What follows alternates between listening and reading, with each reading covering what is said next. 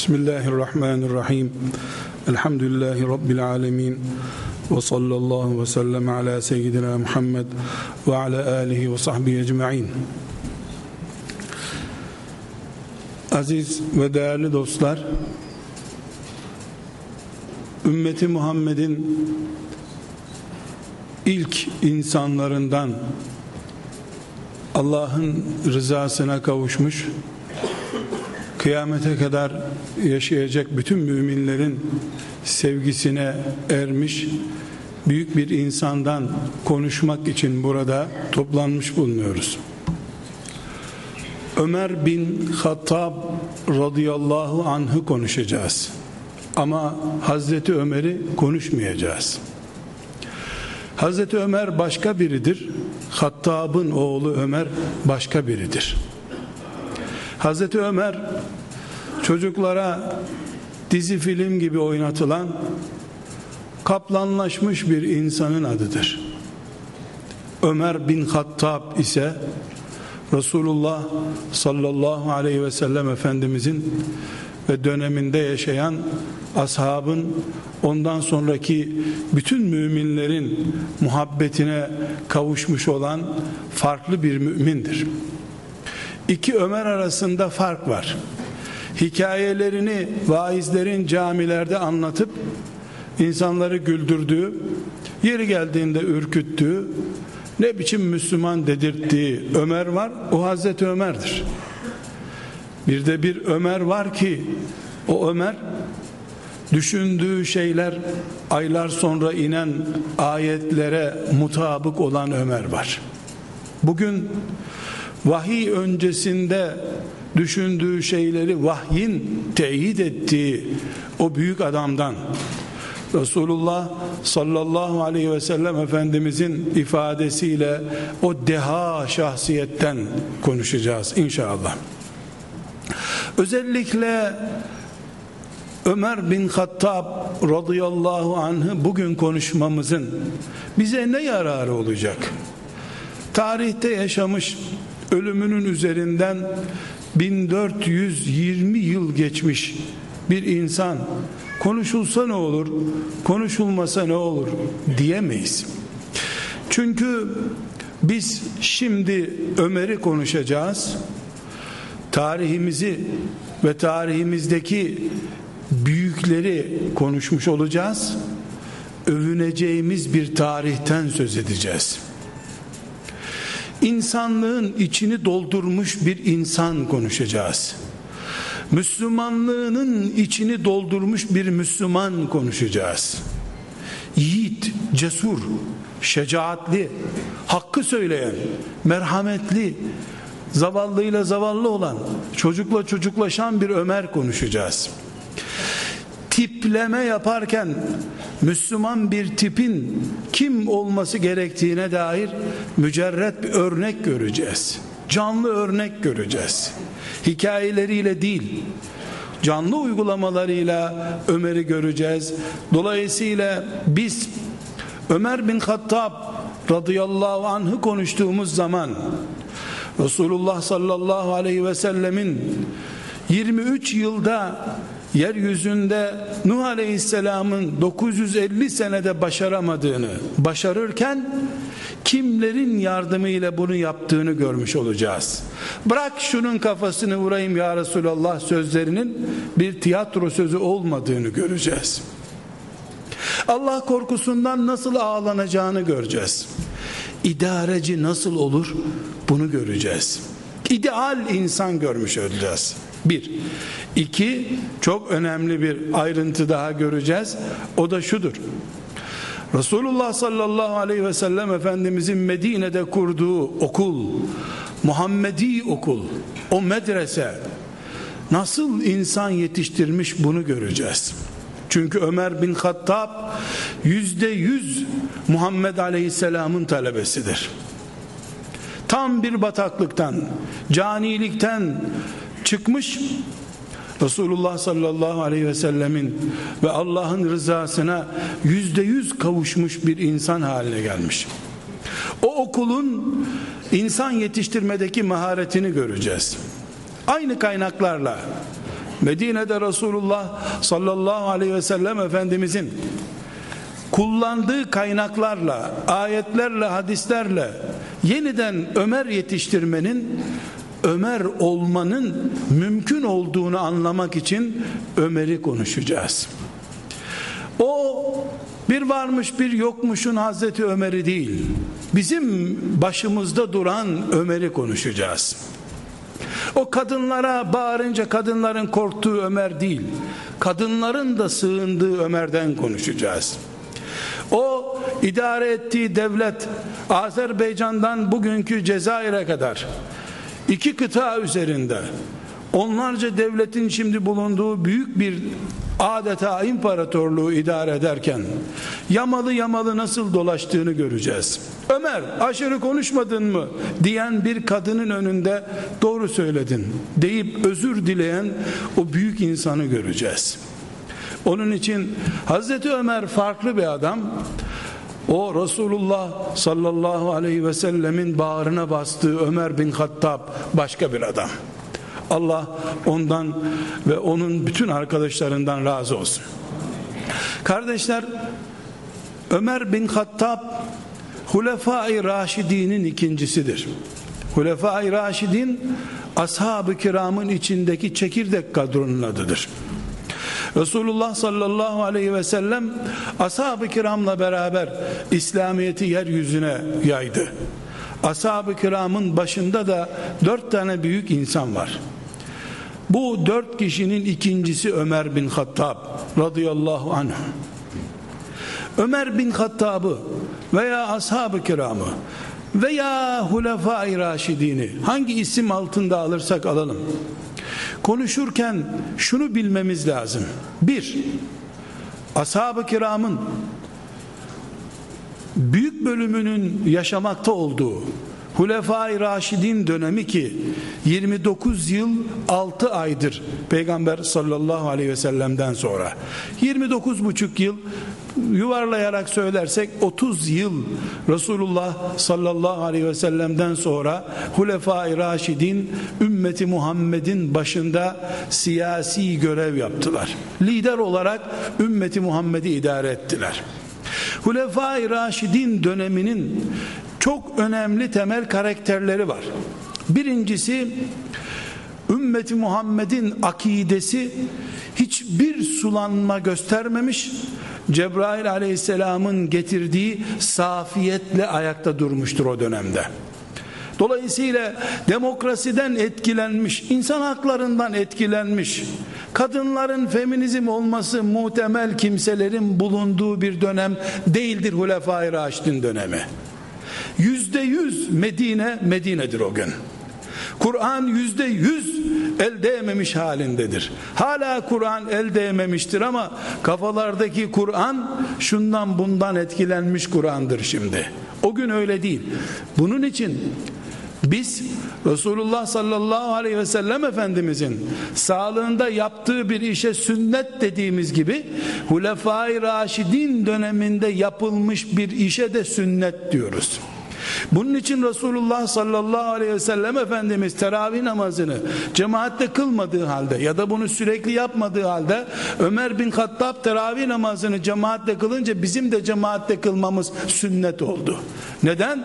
Çünkü Ömer'in, Osman'ın, Ali'nin ve onların başındaki Ebu Bekir'in bulunduğu dönem kimsenin ben de böyle düşünüyorum dediği dönem değildir.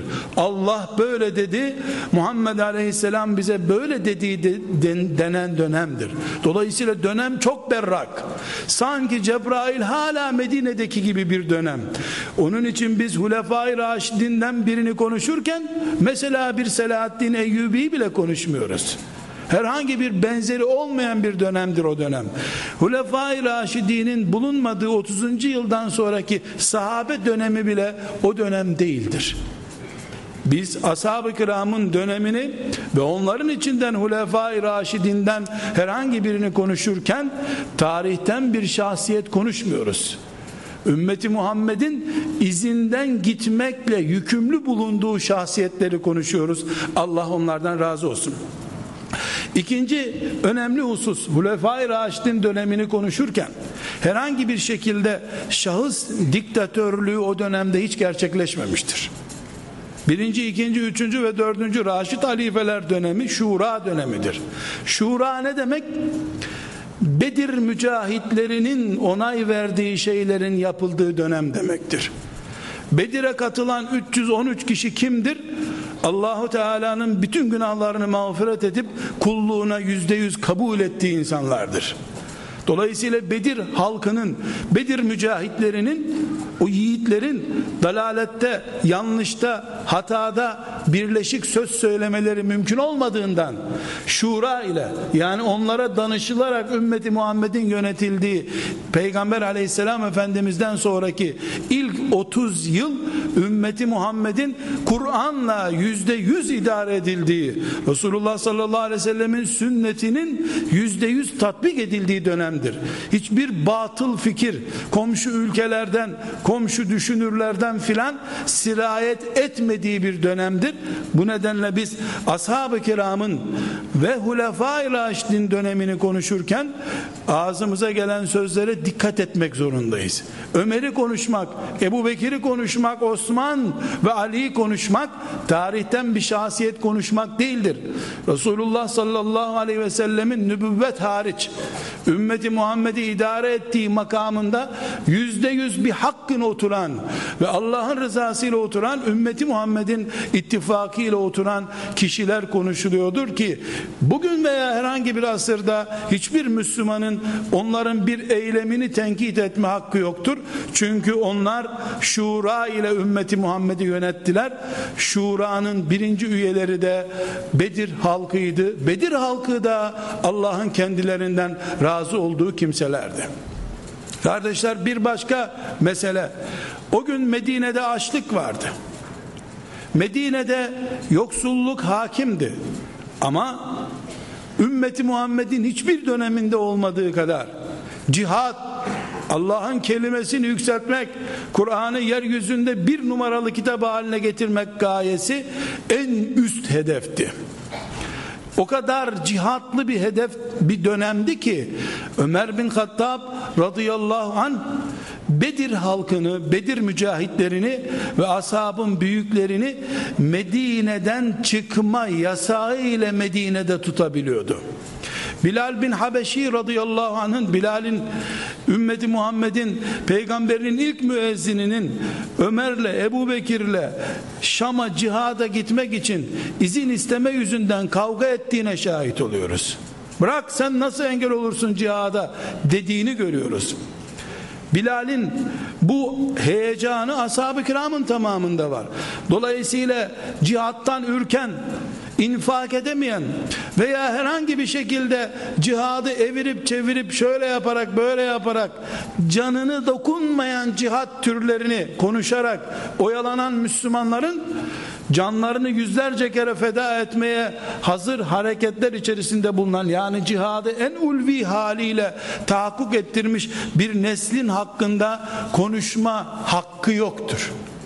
Raşid halifeler dönemi ümmeti Muhammed'in cihat gayesini ila kelimetullahı en üst düzeyde tahakkuk ettirdiği bir dönemdir ki e, Hazreti Ali radıyallahu anh'a geldiğinde yani 24. yıldan sonraki döneme kadar bakıyoruz fethedilen topraklar Kıbrıs adası dahil olmak üzere bugün dünyanın neredeyse üçte birini oluşturacak kadar büyük topraklardır. Sadece himmet himmet ve gayretle, heyecanla yapılmış bir harekettir. Kimsenin e, matarasında su bile yok, e, torbalarında yiyecekleri, ekmekleri bile yok. O haliyle binlerce kilometre Allah'ın dinini yüceltmek için yürüdüler, koştular. Canlarını, evlerini, barklarını, çocuk çocuk e, vesairelerini, her şeylerini feda ettiler.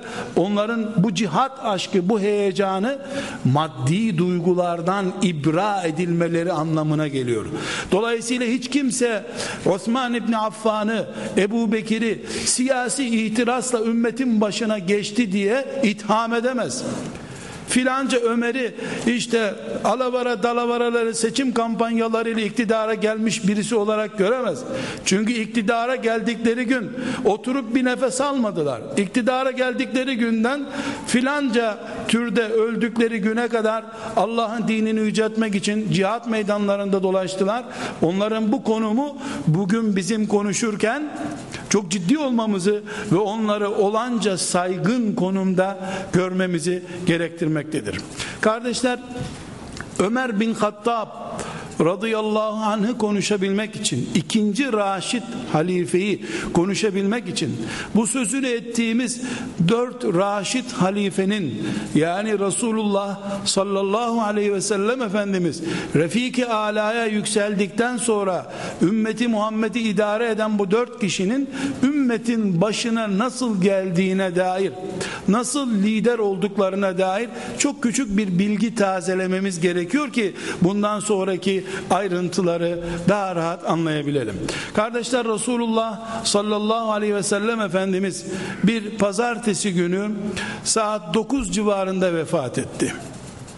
O gün Efendimiz sallallahu aleyhi ve sellem vefat ettiğinde ümmeti Muhammed Efendimiz aleyhisselamın cenazesini yıkayıp kaldırmadan ve öğlen namazını kılmadan birinci halifeyi seçtiler on binlerce sahabi mateme boğuldukları halde gözyaşlarına boğuldukları halde ümmetin başının bulunmasını o canlarını feda ettikleri uğruna her şeylerini feda ettikleri Resulullah sallallahu aleyhi ve sellemin cenazesinden daha önemli gördüler. O gün Ebu Bekir'i radıyallahu an Ömer bin Hattab'ın da desteğiyle ve Ensar muhacir topluca ümmetin lideri seçtiler. Ona Resulullah'ın halifesi dendi. İki yıl, iki ay sonra Ebu Bekir radıyallahu anh ağır bir şekilde hastalandı. 63 yaşının ortasında olduğu için hasreti Resulullah'ın yaşında ölmekti hasretiyle hedefin aynı olacağına da itimadı vardı. Çağırdı ashab-ı kiramın büyüklerini. Dedi ki ben durumumu iyi görmüyorum. Benden sonra ümmeti Muhammed'in lideri olarak Ömer bin Hattab'ı tayin ediyorum dedi. Ashab-ı kiram şimdi bizim o Hazreti Ömer masallarında anlatıldığı gibi ashab-ı kiram Ömer'i çok şiddetli biliyorlardı sert bir adam. Bunu başımıza bela ediyorsun Allah bunu sana sorar dediler. Ömer'i bırakıp gitme başımıza. O da dedi ki Allah bana bunu sorarsa ben ne diyeceğimi bilirim dedi. Ömer'i bıraktı gitti. Böylece Ebu Bekir Ensar ve Muhacir'in büyüklerinin beyatıyla yani seçimiyle ümmetin başına geldi. Ümmetin meşru lideri, benimsenmiş lideri olan Ebu Bekir'in seçimiyle de Ömer bin Hattab ümmeti Muhammed'in ikinci lideri oldu. Ömer bin Hattab'a da Emirul Müminin, müminlerin emiri adı verildi. Halifetu Resulullah demek Resulullah'ın vekili demek. Emirül müminin de müminlerin lideri demek. Ömer'le beraber de ümmeti Muhammed'in liderinin adına Emirül müminin denir oldu. Ömer bin Hattab bir sabah namazında biraz sonra inşallah ayrıntılarını göreceğiz. Şehit edildiği zaman yaralı olarak üç gün kadar yaşadı. O üç gün zarfında farklı bir sistem getirdi. Bu sisteme göre ashab-ı kiramdan aşere-i mübeşşere dediğimiz cennetle müjdelenmiş ilk 10 kişiden hayatta olanların 6 tanesini seçici kurul olarak tayin etti. Bunlar Allah'ın cennetle müjdelediği insanlardır dedi. Kendisi ve e, Ebu Bekir'in bulunmadığı 8 aşereyi mübeşşereden 8 kişi yaşıyordu. Said İbni Zeyd radıyallahu an dayı çocukları akrabasıydı. Kendi akrabasından birisinin tayin edilmesini istemedi. Ona böyle bir yetki vermedi. 6 kişilik bir komisyon kurdurdu. Oğlu Abdullah'ı da gözlemci olarak tayin etti. Bunların içinden bir halife seçilsin dedi. Biraz sonra inşallah değineceğiz. Çok farklı bir sistemle Osman bin Affan radıyallahu an e, yeryüzü tarihinde e, bir örneği daha görülmemiş bir e, büyük seçim sistemiyle kanaatle ümmeti Muhammed'in üçüncü lideri oldu. Ümmeti Muhammed'in Üçüncü lideri Osman İbni Affan radıyallahu anh 12 yıla yakın bir zaman ümmeti Muhammed'i idare etti. Onun döneminde bugünkü Özbekistan'a kadar fetihler, Nijerya'ya kadar İslam orduları fetih yaptığı büyük bir İslam medeniyeti kuruldu. Ancak Osman İbni Affan bugün hala devam eden bir takım fitnelerin tuzağına düşmüş zavallılar tarafından şehit edildi. Onun şehit olmasıyla beraber dördüncü ümmeti Muhammed'in dördüncü lideri olan Ali bin Ebi Talip radıyallahu an o Osman'ı şehit eden katillerin içinde bulunduğu bir komisyon tarafından göreve getirildi. Yani silahlı güçlerin e, başka türlü Medine'den kaçma imkanı yoktu. E, Ali'yi getirelim, Ali de bize dokunmaz gibi bir mantıkla e, Ali bin Ebi Talib'i radıyallahu anh ümmeti Muhammed'in halifesi olarak tayin etti. Ashab-ı kiram zaten bunu canla başla kabul ettikleri için Ali bin Ebi Talib onlar göstermiş olsa da ümmeti Muhammed'in ittifakıyla ashab-ı kiramın Bedir'den hala sağ olanların ittifakıyla ümmeti Muhammed'in lideri oldu. İlk dört halife böyle seçildi. Dolayısıyla bu dört halifenin böyle seçilmesindeki hikmet ya da bize dönüşümünü nerede kullanmak istiyorum? Bu insanlar alavara dalavara ile ümmetin başına gelmiş kimseler değil.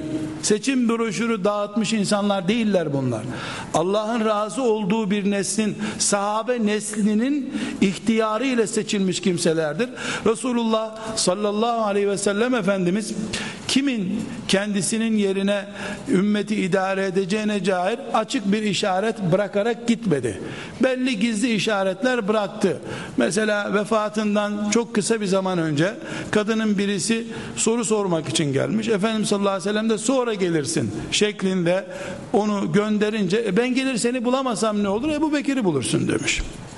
Bu tip işaretlerden mesela vefatından çok kısa bir zaman önce e, ağır bir rahatsızlığı oldu. Son anlarında rahatsızlığı çok ilerledi. Namaza çıkamayacak oldu. Ebu Bekir'i mihraba geçirin dedi.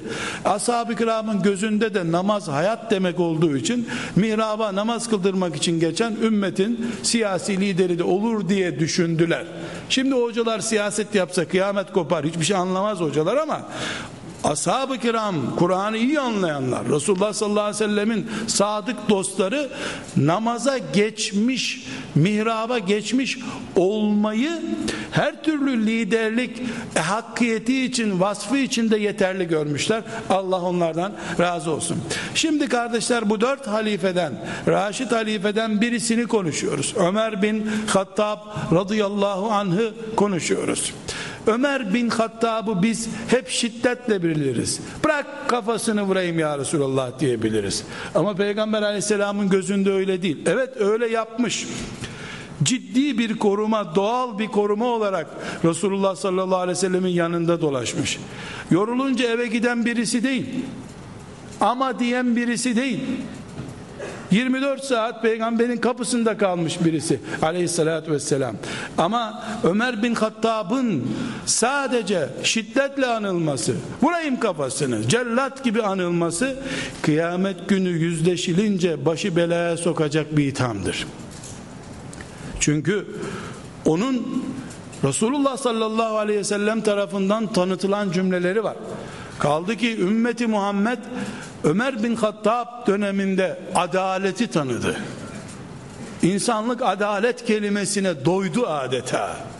Merhamete doydu. İnsanlık zavallıların lideri nasıl olunurmuş bunu gördü.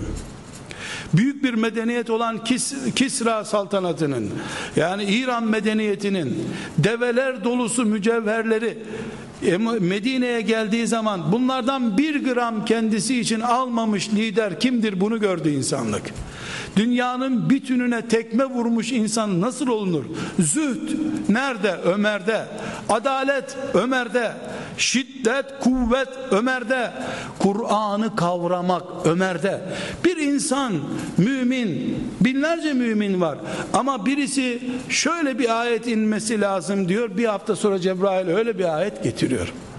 Birisi geliyor ya Resulallah bu kadınların yanına çok girip çıkıyor bu Müslümanlar. Allah bir örtü çeşidi emretse bize diyor öbür gün Cebrail örtü ayeti getiriyor. Kur'an'ın inenini özümsemiş, inmeyeninin üzerinde tahmin yapmaya başlamış. Şaka değil. Resulullah sallallahu aleyhi ve sellem Efendimiz ben peygamber gönderilmeseydim Ömer bin Hattab gelirdi diyor.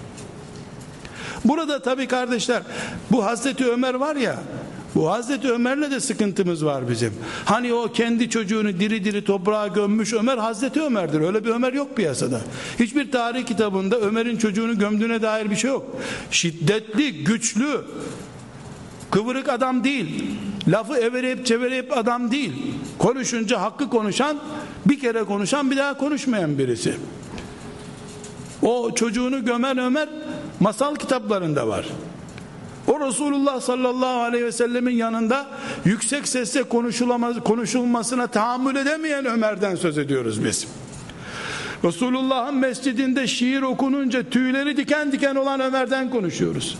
Resulullah sallallahu aleyhi ve sellemin özel şairi Hassan bin Sabit radıyallahu anh özel şairi. Efendimiz onu desteklemiş ve müşrikler gelip de seninle düello yapmak istiyoruz ya Resulullah işte ya Muhammed seninle düello yapmak istiyoruz deyince Efendimiz sallallahu aleyhi ve sellem Hassan neredesin? Gel bunlara cevap ver. Seni Cebrail destekleyecek. dediği adam Hassan bin Sabit Ömer halifelik günlerinde mescitte oturmuş Birisi şiir okuyor.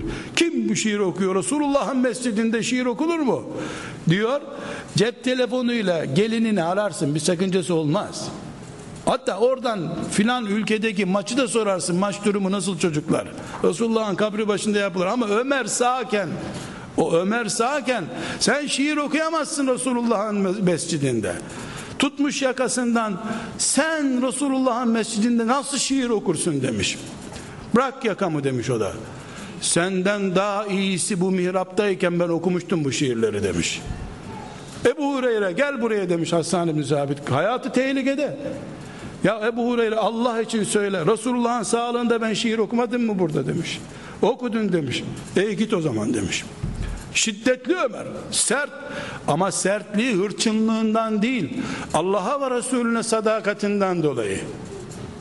Elbette şimdi cep telefonuyla Resulullah sallallahu aleyhi ve sellem'in kabrinin başında müzik çalıntılarının nasıl dinlendiğini, nasıl Müslümanların Ravza-i Mutahara'nın dibinde bile bandolu müziklerle telefon görüşmeleri yaptıklarını görseydi Ömer e, ne yapardı onu tahmin etmek de mümkün değil. Herhalde kalpten giderdi önce. Onların imanı, Ömer'in imanı böyle şeylerin konuşulmasına da müsait değildi. Allah onlardan razı olsun. Sanatkar adam, Mescitte şiir okutmuyor ama yanında yanlış şiir okumak da mümkün değil. Bu şiir vezninde uygun değil tekrar diz bunu diyor. Sanattan anlıyor. Şiir seviyor. Canı sıkılınca birisi şiir okusun dinleyelim diyor. Mescitte en muhteşem Müslüman sahrada oturunca develerinin kenarında oturunca şiir dinliyor. Ömer başka bir insan. Kardeşler ümmeti Muhammed'in en büyük insanlarından belki Resulullah sallallahu aleyhi ve sellem'den sonra bu dinde en çok izi bulunan insandan konuşuyoruz. 10 yıl ümmeti Muhammed'in lideri olarak emirul müminin olarak yaşadı. Vefat ettiğinde Ömer'in eliyle fethedilmiş topraklarda 12 bin cami varmış. 12 bin cami Ömer bin Hattab'ın fethettiği yerler. Bu 12 bin camiden bir tanesi de Mescid-i Aksa'dır. Bu bir himmettir. Her yıl 1100 cami açılışı yapmış. Çünkü kendisini Allah'a secde edilmesi için ayırmış. Hedefi Allah'a secde ettirmek, Kur'an'ın yayılması için uğraşmış. Böyle büyük bir insandan konuşuyoruz. Allah ondan razı olsun. Ancak Ömer bin Hattab'tan konuşurken gizli bir gerçeği de bilmemiz lazım. Kendisinden önceki halife iki yıl ümmeti Muhammed'in başı olarak yaşadı Ebu Bekir radıyallahu anh. O da 10 yıl ümmeti Muhammed'in lideri olarak yaşadı ama Efendimiz sallallahu aleyhi ve sellemin vefat ettiği günden itibaren Ömer'i her yerde görürüz. Ebu Bekir onu birinci danışmanı olarak çalıştırdı. Ebu Bekir ona danışmadan bir iş yapmadı.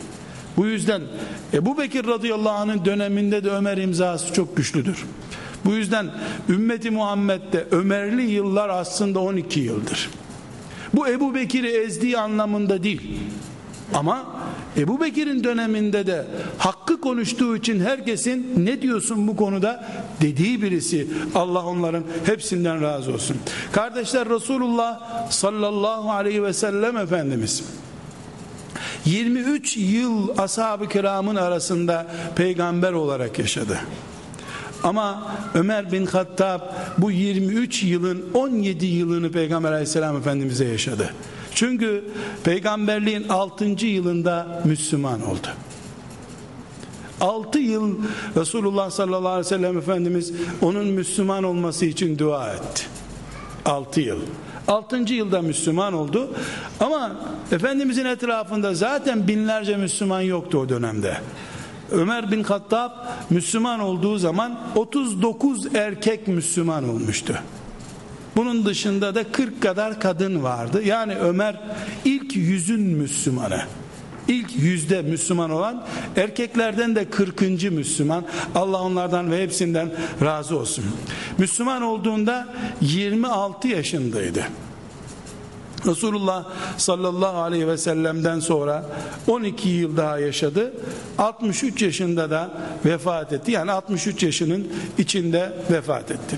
Burada kardeşler Buhari ve Müslim'den yani Kur'an-ı Kerim'den sonraki en güçlü bilgi kaynağımız olan hadisi şeriflerin sahih hadis-i şeriflerin bulunduğu e, Buhari ve Müslim'den e, Ömer bin Hattab radıyallahu anh'la ilgili Resulullah sallallahu aleyhi ve sellem Efendimizin övgülerinden ve ona getirdiği vasıflardan söz etmek istiyorum. Ömer bin Hattab'ı Efendimiz sallallahu aleyhi ve sellem beş kalıpta övüyor. Bu saydığım şeyler sahih hadisi şeriflerden konuşuyorum. Hazreti Ömer'i anlatmıyorum zaten. Ömer bin Hattab'ı anlatıyorum. Radıyallahu an. Birincisi Ömer'in gücü, şecaati ve sert tutumu, hakka karşı tavizsiz hali Resulullah sallallahu aleyhi ve sellemin de benimsediği ve hoş gördüğü, övdüğü şeylerdendir. Hatta o kadar ki Ömer bin Hattab'la ilgili olarak Ömer sen bir vadiye girsen şeytan o vadiye bir daha uğramaz demiş. Sahih hadis-i şeriften konuşuyoruz. Aynı şekilde Efendimiz sallallahu aleyhi ve sellem onun farklı bilgi kaynakları kullandığını da söylüyor. Buyuruyor ki her ümmetin kendisine ilham gelen adamları vardır. Benim ümmetimin mülhemi Ömer bin Hattab'dır diyor. Mülhem demek Allahu Teala'nın herkese vermediğini kalbine akıttığı adam demek sahih hadisi şeriften mesela bu e, mülhem adam yani Allahu Teala'nın gizli bilgi kaynaklarıyla alimlere, hocalara, şeyhlere filan vermediğini Ömer'e verdiğini ve bu eski ümmetlerde de tek tük kimselerde bulunduğunu Buhari'nin Fezailü Sahabe'de Müslim'in de Fezailü Sahabe'de 3689. ve 6154. hadis olarak var. Buhari ve Müslim'in bir hadiste söz birliği etmesi müttefakun aleyh demektir. Ayet değil, ayet düzeyinde bilgi kaynağını göstermiş oluyor. Mülhem adam Ömer bin Hattab radıyallahu anh. Aynı şekilde Efendimiz sallallahu aleyhi ve sellem Ömer bir deha diyor. Ömer bir deha. Deha Arapçada abkari kelime, abkari adam diyor. Ve bunu şöyle örnek veriyor. Bir defasında bir rüyasını anlatıyor. Bu hadis-i şerifte Buhari'de ve Müslim'de şu anda anlattığım hadis-i şerif. Diyor ki Efendimiz sallallahu aleyhi ve sellem rüyamda diyor bir kuyunun başındaydım diyor. Kuyunun kenarında bir kova vardı diyor. Ömer geldi diyor. Estağfurullah Ebu Bekir geldi diyor. Ebu Bekir kovayı aldı diyor. Allah onu affetsin. Bir iki su ancak çekti oradan diyor. Bir iki kova su çekti bıraktı diyor. Geldi Ömer o kovayı aldı diyor. O kadar su çekti ki oradan diyor. İnsanlar hayvanlarımız daha su içmeyecek diye ahıra götürdüler hayvanlarını diyor. Sular boş kaldı diyor. Bu Ömer gibi deha bir adam ben ümmetimde görmedim diyor. Kimin şahitliği bu? Resulullah sallallahu aleyhi ve sellem Efendimizin şahitliği. Burada önemli bir nokta var kardeşler. Resulullah sallallahu aleyhi ve sellem yani Ömer'i överken Ebu Bekir'i ezmiyor. Ebu Bekir'i överken Ali'yi ezmiyor. Herkese hakkını veriyor tipini anlatıyor. Yeteneklerini ortaya çıkarıyor. Mesela Tirmizi'nin ve İbn Mace'nin rivayet ettiği bir hadisi şerifte daha farklı ashab-ı kiramı tanıtıyor. Buyuruyor ki benim ümmetimin en merhametlisi Ebu Bekir'dir diyor. Subhanallah. Ümmetimin diyor ashab-ı kiramın 120 bin kişinin değil milyarlarca Müslüman var kıyamete kadar onların içinde merhamette bir numara Ebu Bekir. Allah'ın dininde en güçlü adam Ömer'dir diyor. Benim ümmetimin en hayalı insanı Osman'dır. Benim ümmetimin yargıda en güçlü yani mantığı en güçlü adamı Ali bin Ebi Talip'tir. Benim ümmetimin Kur'an'ı en iyi okuyanı Übey ibn Ka'b'dır. Benim ümmetimin helal ve haramı en iyi bilen adamı Muaz bin Cebel'dir. Benim ümmetimin matematik zekası en iyi olanı Zeyd bin Sabit'tir. Hey iyi bilin ha son uyarısını yapıyor. Her ümmetin, her peygamberin bir mutemet adamı vardır. Benim ümmetimin mutemet adamı Ebu Ubeyde ibn Cerrah'tır. Radıyallahu anhum cemiyan. Ne yapıyor burada? Farklı açılardan ashab-ı kiramın farklı isimlerini gündeme getiriyor. Yani Osman hayalıdır, ümmetimin en hayalısıdır dediği zaman öbür sahabi hayası kıt demiyor sivrildiği alanını gösteriyor. Herkes doktor ama biri göz doktoru, biri kalp doktoru. Bu vasıflarını gündeme getiriyor sallallahu aleyhi ve sellem Efendimiz. Beş, dördüncü özelliği Ömer bin Hattab'ın radıyallahu anh sahih hadis-i şeriflerden Efendimizin lisanıyla öğrendiğimiz Ebu Bekir'den sonra en çok sevdiği insan Ömer bin Hattab'dır. Ama Ebu Bekir'in sevgisine ulaşan başka bir insan yok. Bunu defalarca söylemiş. Bir numaralı sevgisi Ayşe'si aslında. Ama kadınlar çıkarıldığında bu siyasi kadrolarda bulunan isimlerde Ebu Bekir bir numara. Amr ibn As radıyallahu anh diyor ki bir gün şöyle bir soru sormak istedim diyor. Ya Resulallah en çok kimi seviyorsun? Düşündüm ki o günler o da cihattan gelmiş muzaffer bir komutan seni Amr der diye düşünmüş herhalde. En çok kimi seviyorsun ya Resulallah demişler. Hanımı Ayşe'yi göstermiş. Ya Resulallah biz kadınları kastetmedik. Hani erkeklerden kimi seviyorsun demek istedik. O zaman babasını demiş. Bu sevgi meselesidir. Zorla alıp öbür tarafa taşınmaz. Ama Ebu Bekir'den sonra Ömer'i sevdiği ikinci adam oldu. Onunla kurduğu hısımlık ilişkisinden belli. Onun ona verdiği görevlerden belli. Ona itimadını beyan ettiği açıklamalarından belli. Burada kardeşler bir noktayı demin konuştuk. Ömer bin Hattab'ın mülhem adam oluşu. Yani Ahmet'e Mehmet'e Ebu Bekir'e Osman'a anlatmadığını allah Teala'nın onun kalbine akıttığını anlatan işaretler var. Mesela münafıkların namazını kılma ile ilgili bir mesele var. Efendimiz sallallahu aleyhi ve sellem ölmüş bir münafıkın namazını kılmak için musallanın başına geldiğinde Ömer gelmiş ne yapıyorsun sen ya Resulallah bu Allah'ın düşmanının namazı kılınmaz demiş. Bunun üzerine Tevbe suresinin ayetleri iniyor. Ve la tusalli ala ahadin minhum mâte ebeden ve la tekum ala kabrih. Sakın onların namazını kılma, mezarlarına da gitme diye Allah Teala ayet gönderiyor. Bütün tefsirler bu bilgiyle doludur. Sahih bir hadis konuşuyoruz. Aynı şekilde demin konuştuk. Hicab ayeti Ömer bin Hattab'ın içinden geçtikten, rica ettikten sonra iniyor. Çünkü onun da sıkıntısı başka ama ehli beyte olağanüstü hürmeti var. İnsanlar geliyorlar. Resulullah sallallahu aleyhi ve sellem hanımının yanında bir şeyler soruyorlar. Hanımları bundan rahatsız oluyor. Kılık kıyafet talimat talimatı gelmemiş, hicap ayeti gelmemiş. Kadınlar çıplak gezmiyorlar ama peçeyle de dolaşmıyorlar Medine'de. Böyle bir pozisyon var. Gelmiş ya Resulullah demiş. Bu senin hanımlarını rahatsız ediyor bu insanlar. Allah bir ayet indirse de kim girecek, kim çıkacak? Bunu bir öğrensek demiş. Öbür gün ayet inmiş. Böyle. Bedir'de Efendimiz sallallahu aleyhi ve sellem müşrikleri esir alınca e, şöyle bir sıkıntı oluştu. Hani Bedir'de ciddi bir zafer oldu. Müşriklerden kalabalık bir kadro esir alındı. Şimdi Müslümanların ciddi paraya ihtiyacı var, mala ihtiyacı var. Bir de kafirlerin iyi bir darbe yemesi gerekiyor. Efendimiz sallallahu aleyhi ve sellem istişare kurulunu topladı. Dedi ki bana görüşünüzü belirtin. Bu adamları ne yapalım? Ebu Bekir dedi ki Ya Resulallah bizim çok paraya ihtiyacımız var. Fidye isteyelim bunlardan. Yani bunların hep babaları amcaları sağ Mekke'de desinler ki diyelim ki şu kadar veren kurtulur yoksa yandı öldürüyoruz adamı diyelim. Para veremeyen de okuma yazma biliyorsa Medine'de çocuklarımıza okuma yazma öğretsin. Efendimizin çok hoşuna gitti.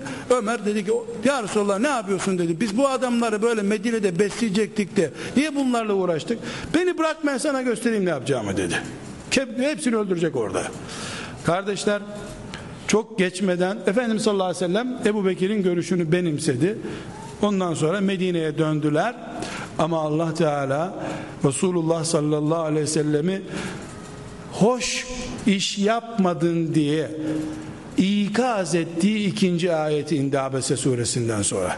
Önce Abese suresinde Abdullah İbni Mektum'a karşı Efendimiz sert davrandı diye ayet inmişti. Yani böyle yapmasaydın keşke anlamında.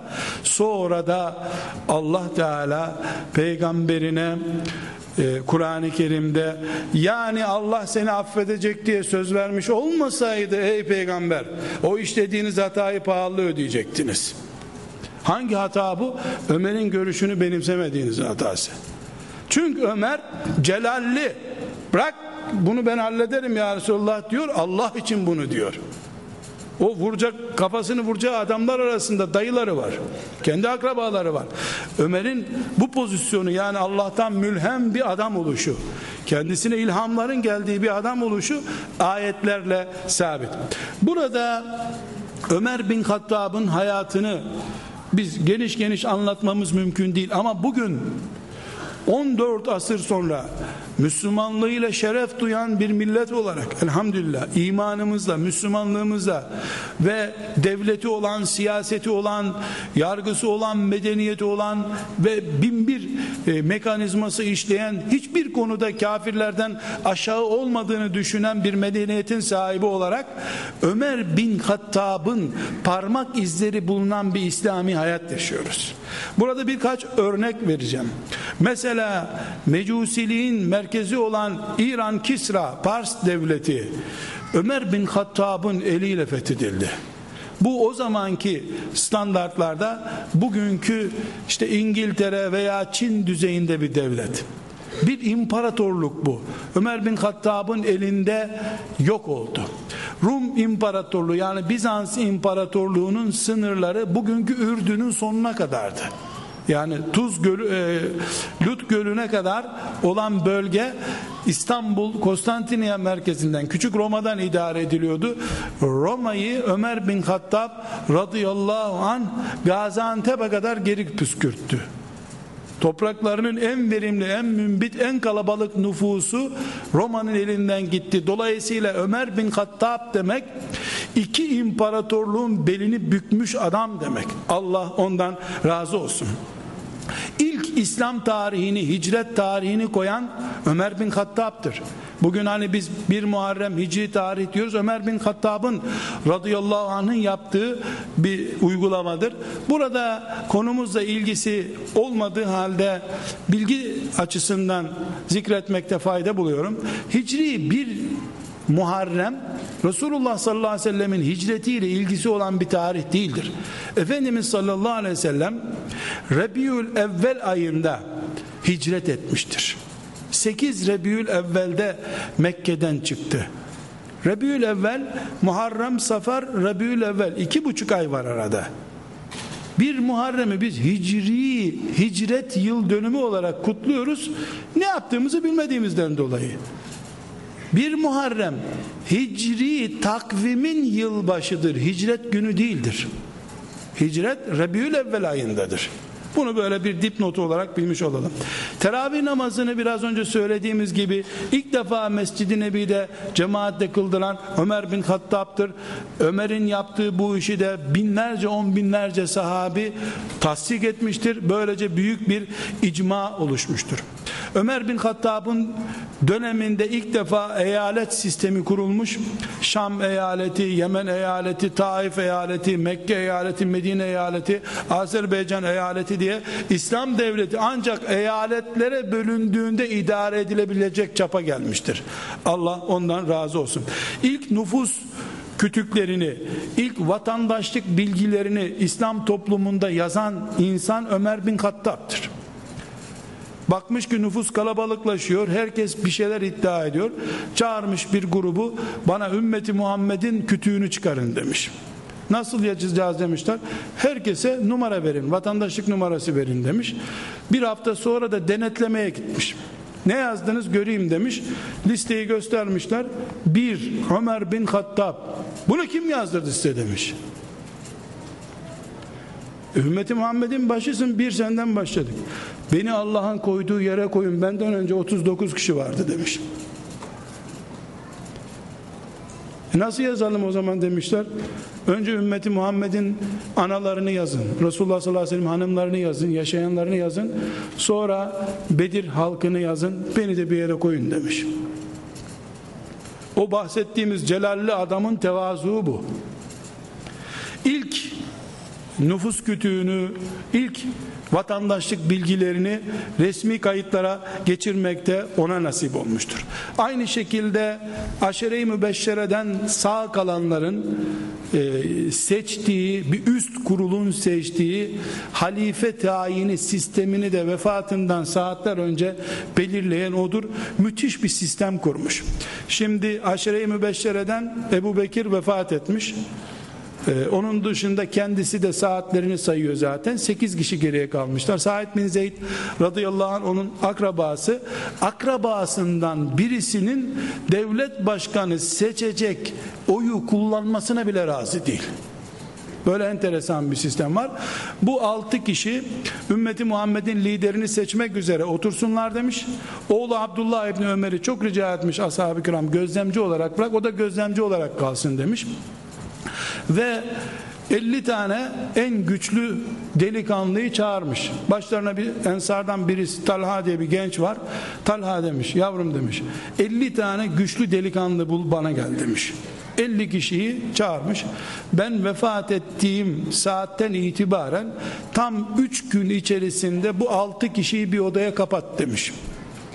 Bu altı kişi üçüncü gün dolduğu saat mesela öğle vakti vefat ettiyse üçüncü gün öğleye kadar aralarından bir kişiyi seçebilirlerse sizin lideriniz odur.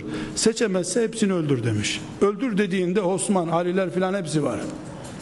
Onun gözünde ümmeti Muhammed'in siyasi kadroları boş kalacak. Sen Ali olamazsın, Osman olamazsın, Abdurrahman İbni Avf olamazsın.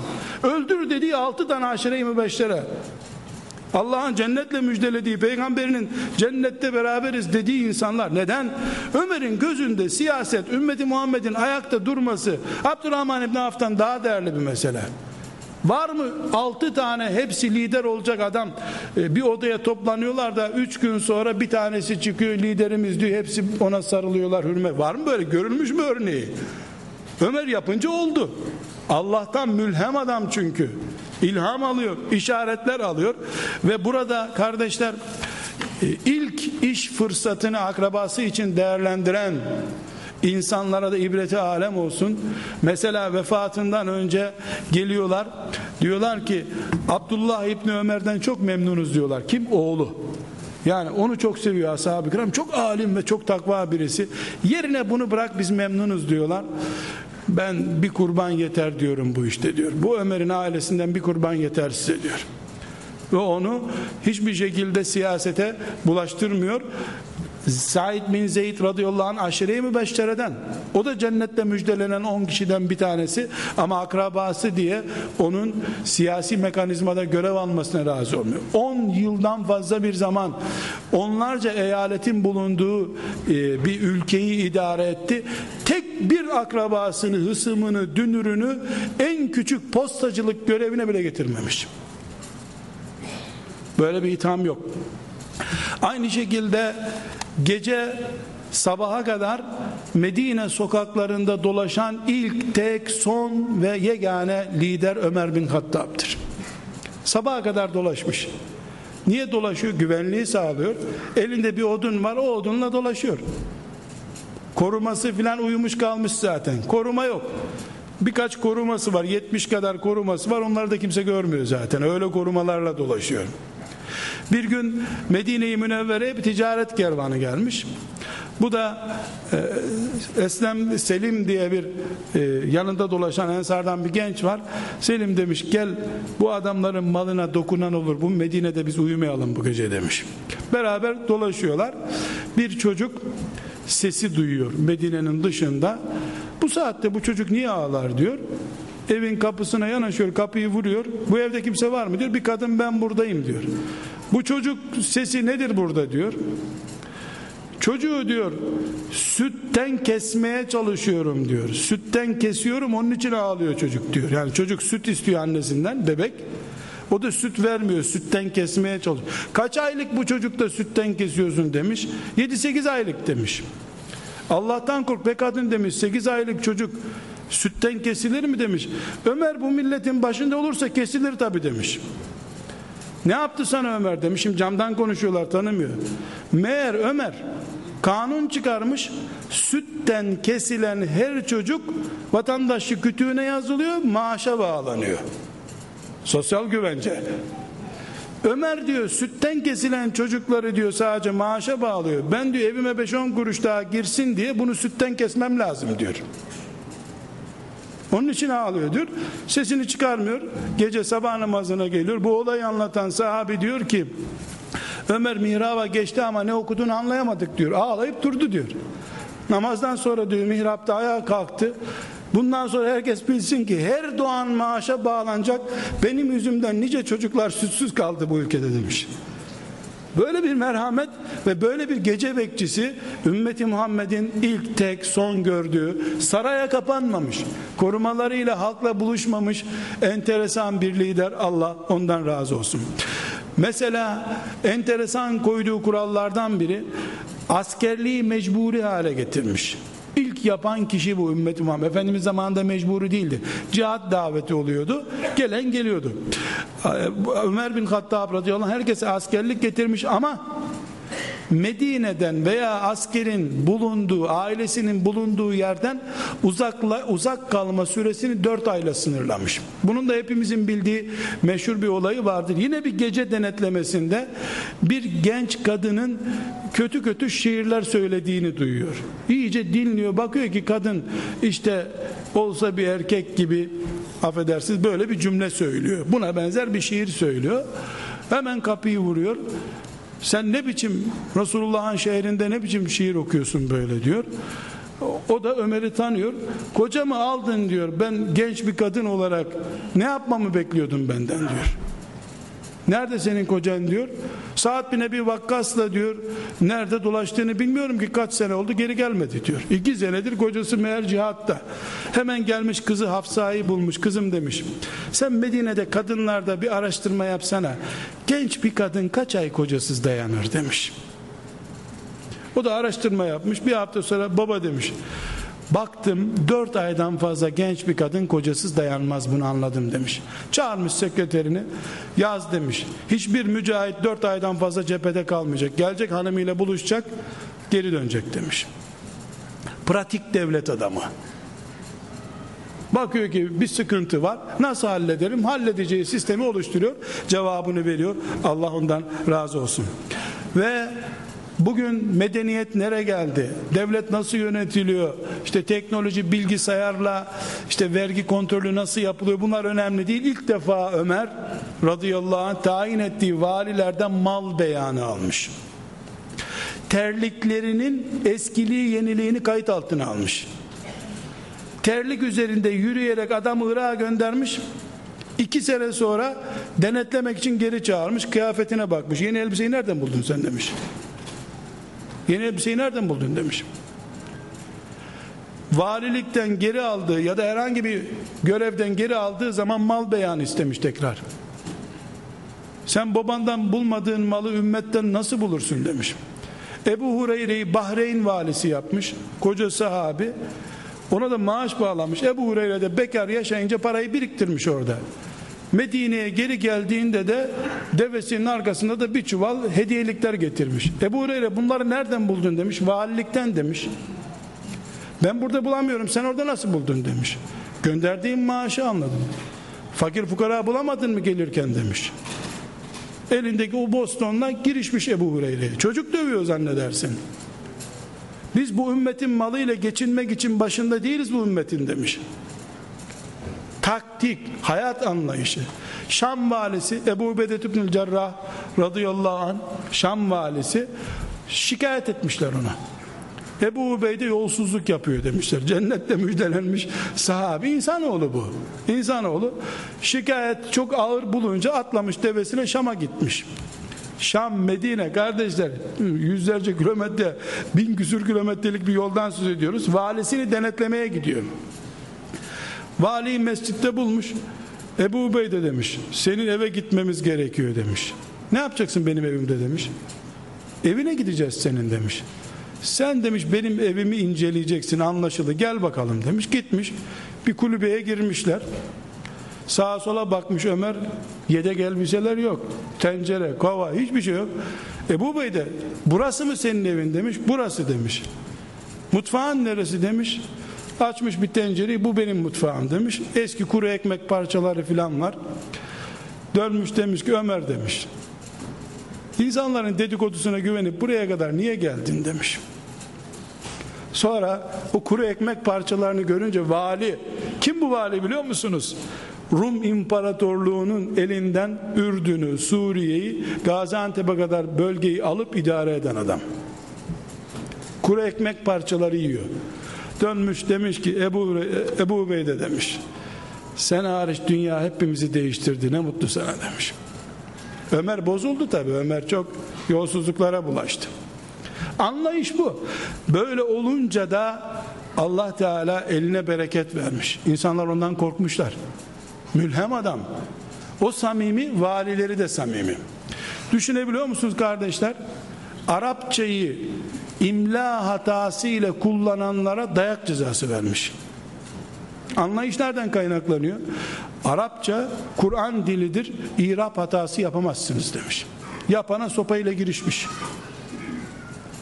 Ömer bin Hattab bu ümmeti Muhammed'in lider adamı. Örnek adamı ve tekrarı kıyamete kadar belki de bir daha mümkün olmayan bir lider. Ama hasreti ve sevdası ve onun mantığı üzerine yaşamak elbette her gün mümkündür. Allah ondan razı olsun. Kardeşler Ömer bin Hattab'ın bugün ve kıyamete kadar her gün hayırla anılması gereken üç büyük pozisyonu var bu üç büyük pozisyon onun deha ismi taşımasına vesile olmuş. Birincisi Abdullah ibn Mesud radıyallahu anh diyor ki Ömer'le biz izzetimize kavuştuk öyle yaşıyoruz hala diyor. Çünkü Abdullah ibn Mesud yedinci Müslüman. İlk Müslümanlardan ama Ebu Cehil'in önünde konuşamayan tipler bunlar.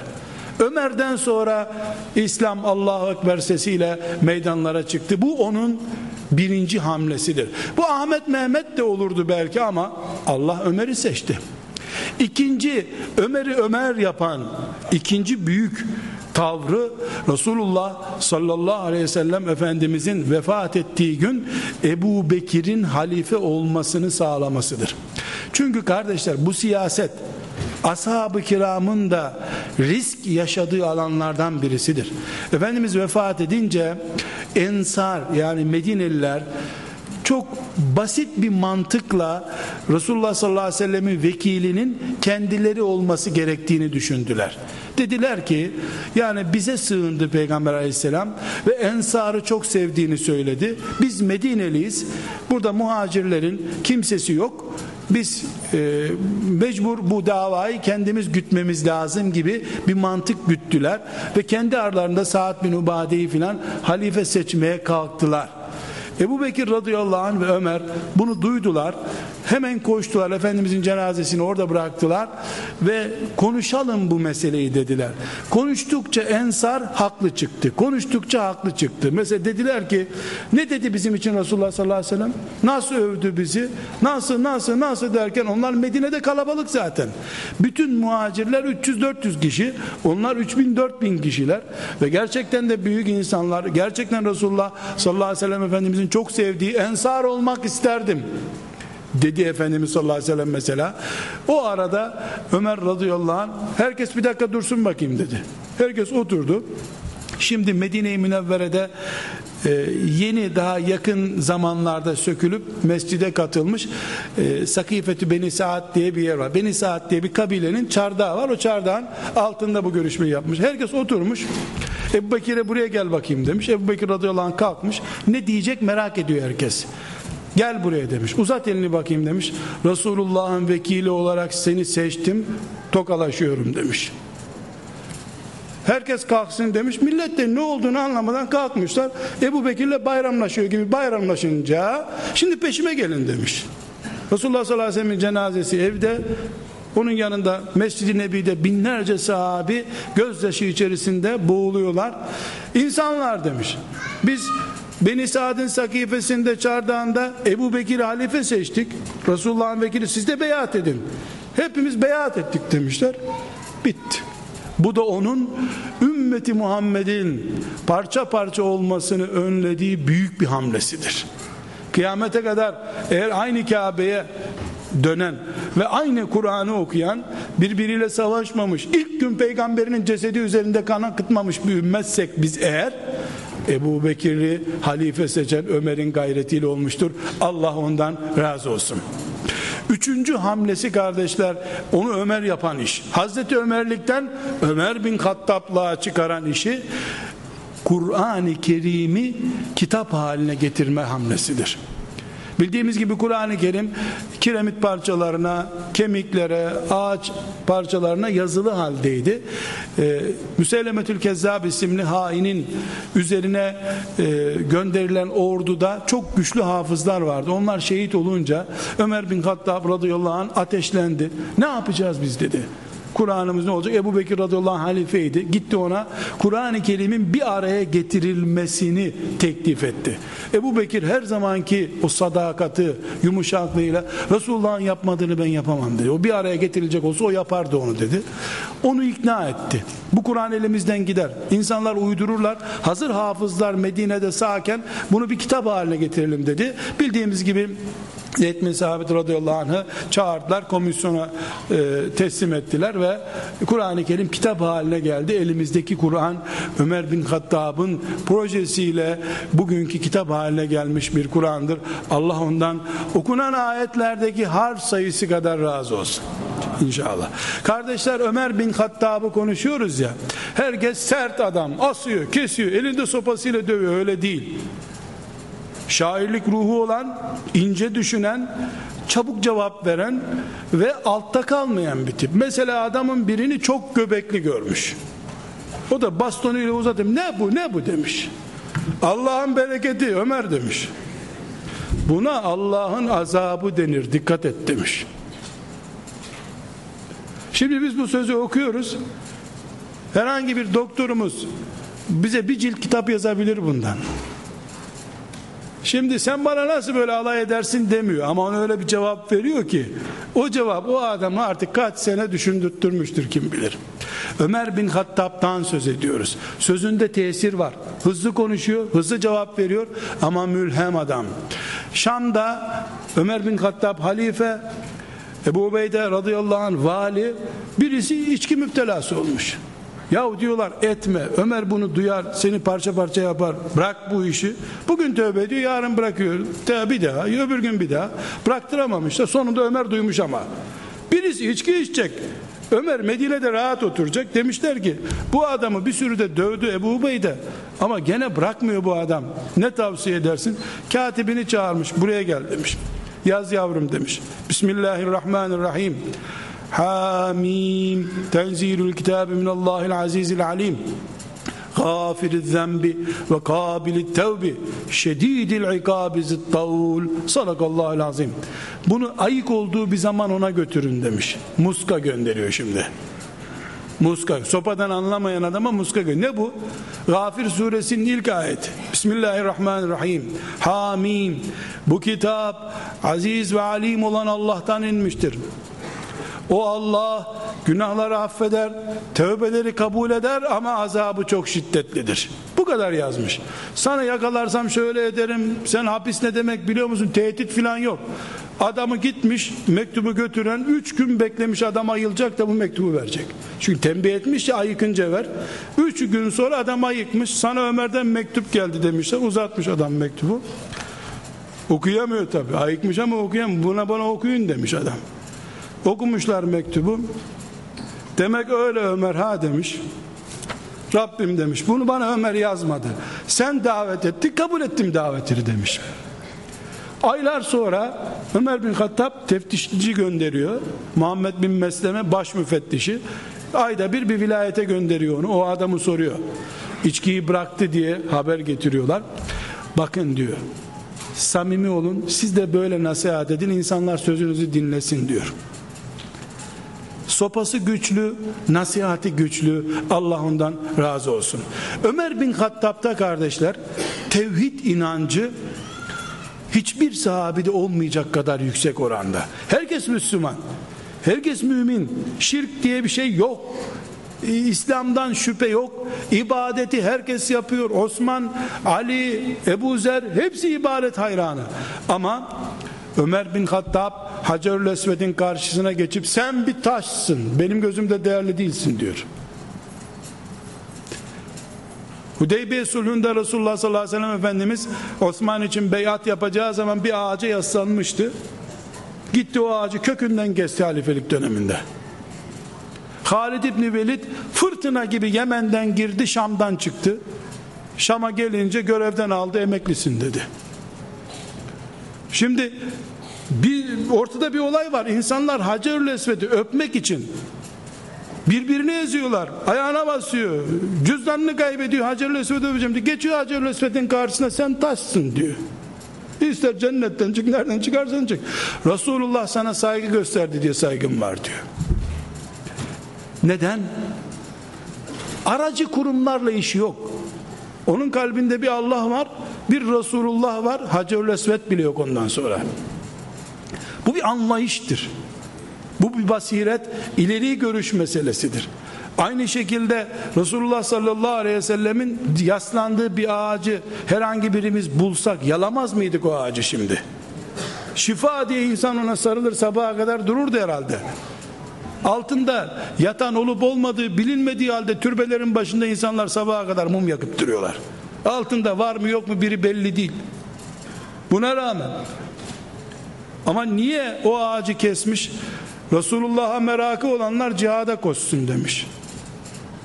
Bakmış ki millet orada ağaca sarılmakla peygamberle itaat görevini yaptığını zannediyor. Kökünden kesmiş ağacı.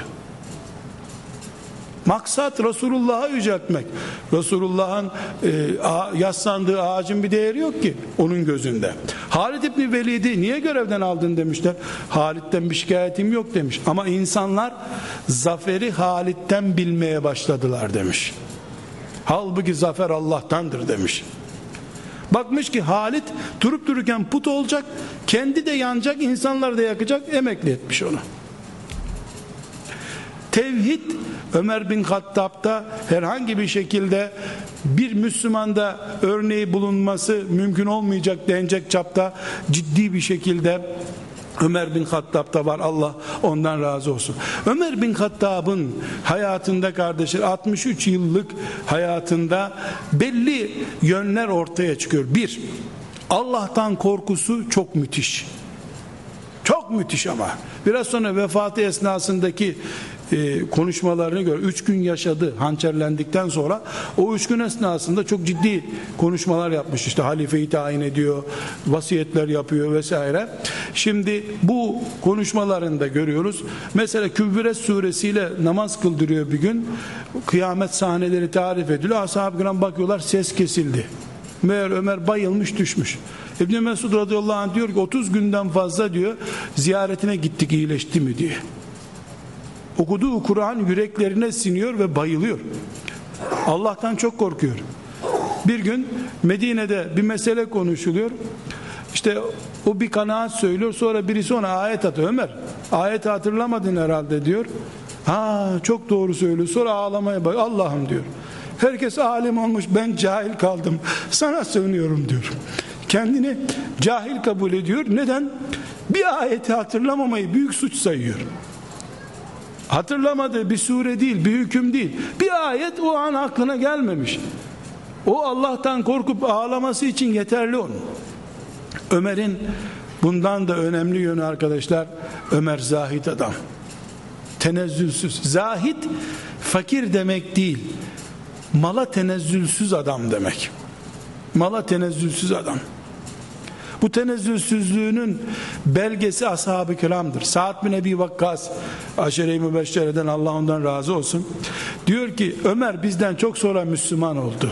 Ama hepimizden kıymetli oldu. Çünkü dünya malına en tenezzülsüz Ömer'di içimizde diyor.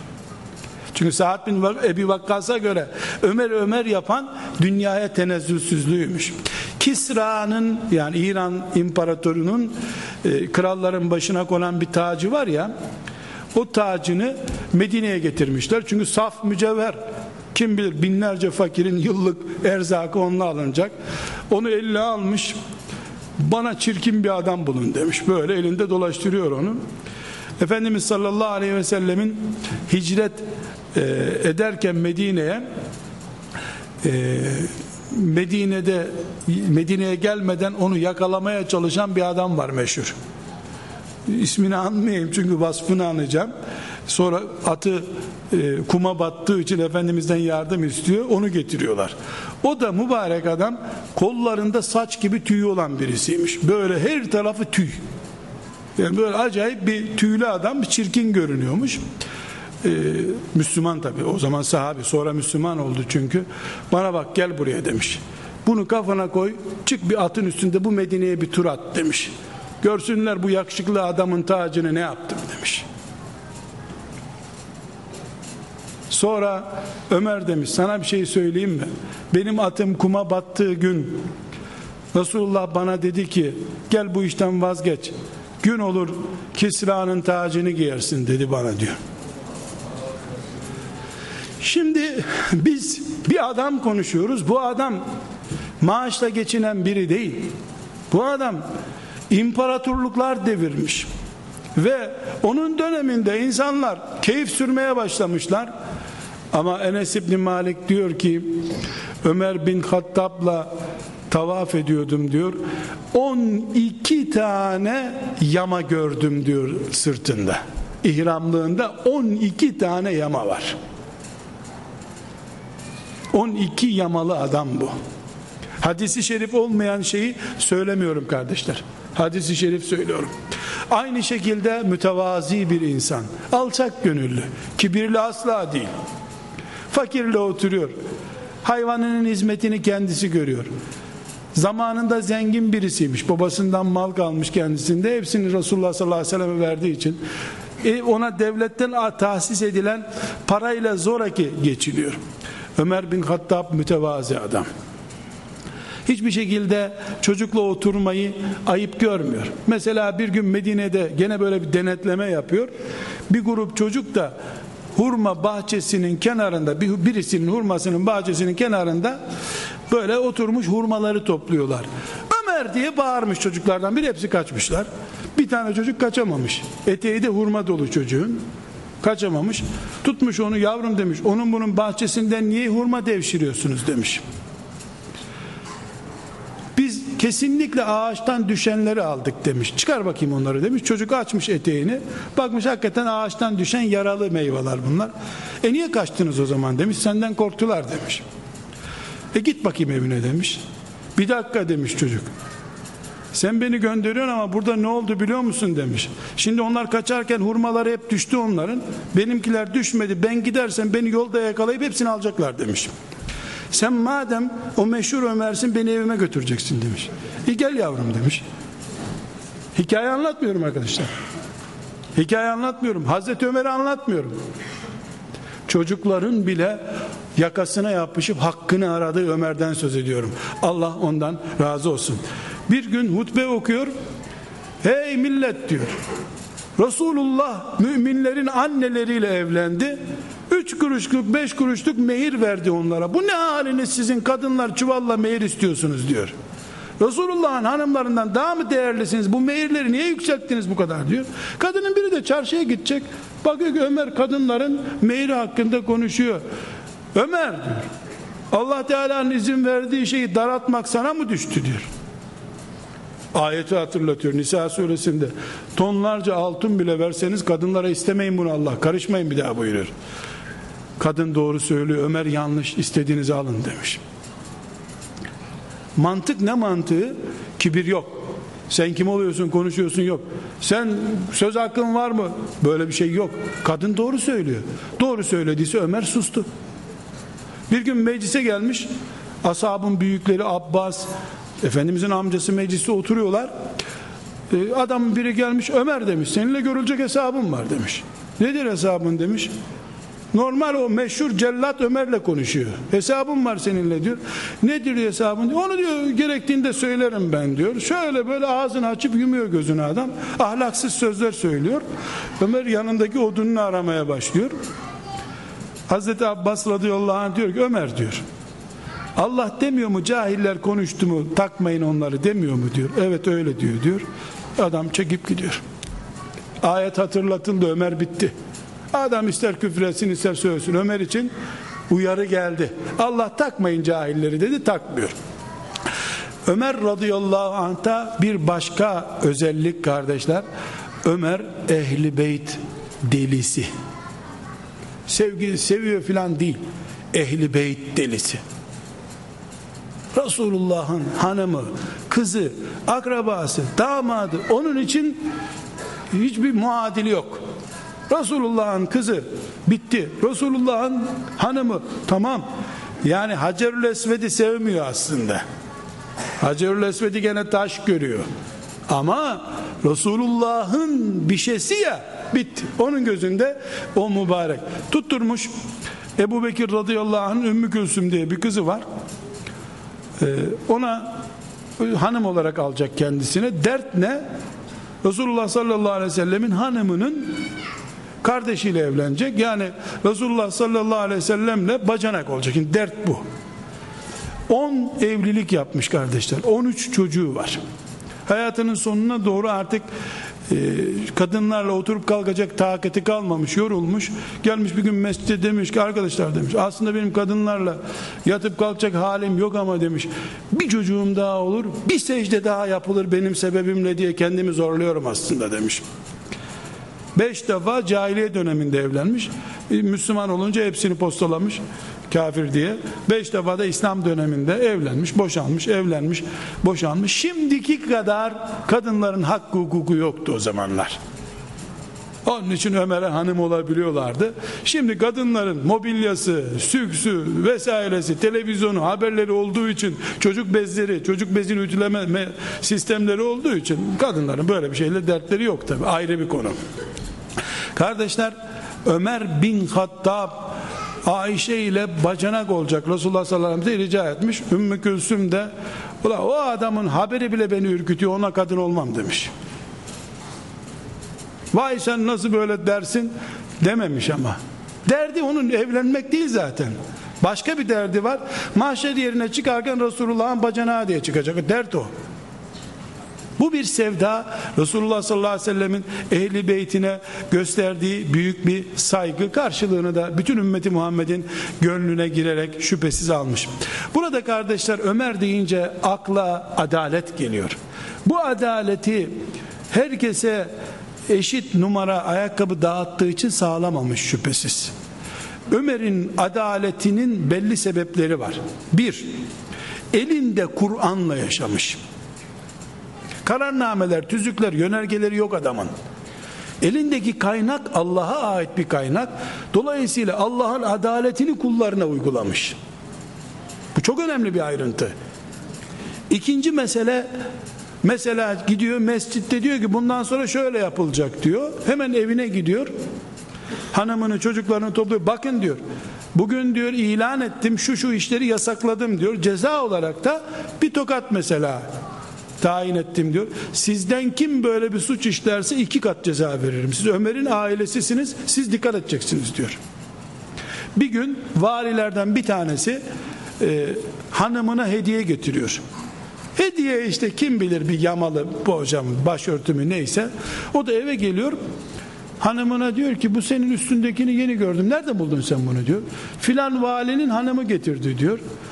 Çıkıp başından alıyor onu. Ümmeti Muhammed'in malıyla Ömer'in karısına hediye mi verilirmiş diyor. Götürüyor valiye. Bir daha karına da alma benim karıma da verme böyle bir şey diyor. Adalet bu. O göreve başladıktan 3 ay sonra makam arabası değişmemiş. Korumaları değişmemiş. Elbisesi değişmemiş. Aç kalmış. Aç kalmış. Lakin ümmeti Muhammed'i aç bırakmamış. Yine sahih hadisten, sahih kaynaktan söylüyorum. Bir gün ciddi bir şekilde rahatsız oluyor. Medine'deki doktorluktan anlayanlar da bal sana çok iyi gelir diyorlar. Bal iyi gelir dedikleri zaman da Ümmeti Muhammed'in yaşadığı kıtlık yıllarından birisi yaşanıyor. Ümmeti Muhammed'de bir kıtlık sıkıntısı var. Medine'de kıtlık var. Kuraklıktan kaynaklanan. İsrar etmiş doktorlar bal yemen lazım ayağa kalkamazsın demişler. Bu hasta kıvranıyor. Bastonuna tutuna tutuna mescide gelmiş. Müslümanlar demiş. Sizden Allah için rica ediyorum demiş. Bana illa bal yiyeceksin diyorlar. Ben ümmeti Muhammed'in bal yiyemediği bir zamanda bunu yiyemem. 2-3 kişi kalksın sana helaldir desin de ben bal yiyeyim biraz demiş. Kavanozda değil arkadaşlar. Parmakla yalancak bir şey yiyecek. İlaç yiyecek. Lakin ümmetin çocukları onu yiyemediği için kendisine uygun görmüyor yemeği. Adalet böyle sağlanıyor. Übey ibn Ka'b radıyallahu anh Resulullah sallallahu aleyhi ve sellemin en iyi Kur'an okuyan sahabesi bahçesiyle komşu bunun bahçesi. Çünkü Ömer geçinirken de bahçesinden geçiniyor. Devletten maaş alıyor o ona yetmiyor. Bahçesinde ziraat yapıyor. Übey ile tartışmışlar. Übey ibn Kabe demiş ki ben devlet başkanıyım burada ama bu konuda haklı olduğum veya olmadığımı bir hakem tayin edelim demiş. Zeyd bin Sabit'e gidelim mi demiş? Gidelim demiş. Beraber Zeyd bin Sabit'e gitmişler. Biri bugün üzerinde onlarca devletin kurulduğu bir devletin başındaki adam öbürü de hafız abi işte. Bir hafız. Gidiyorlar Zeyd'in önüne oturuyorlar. Hakemlik için Zeyd yemin etmeniz lazım diyor. O zaman Übey duygulanıyor.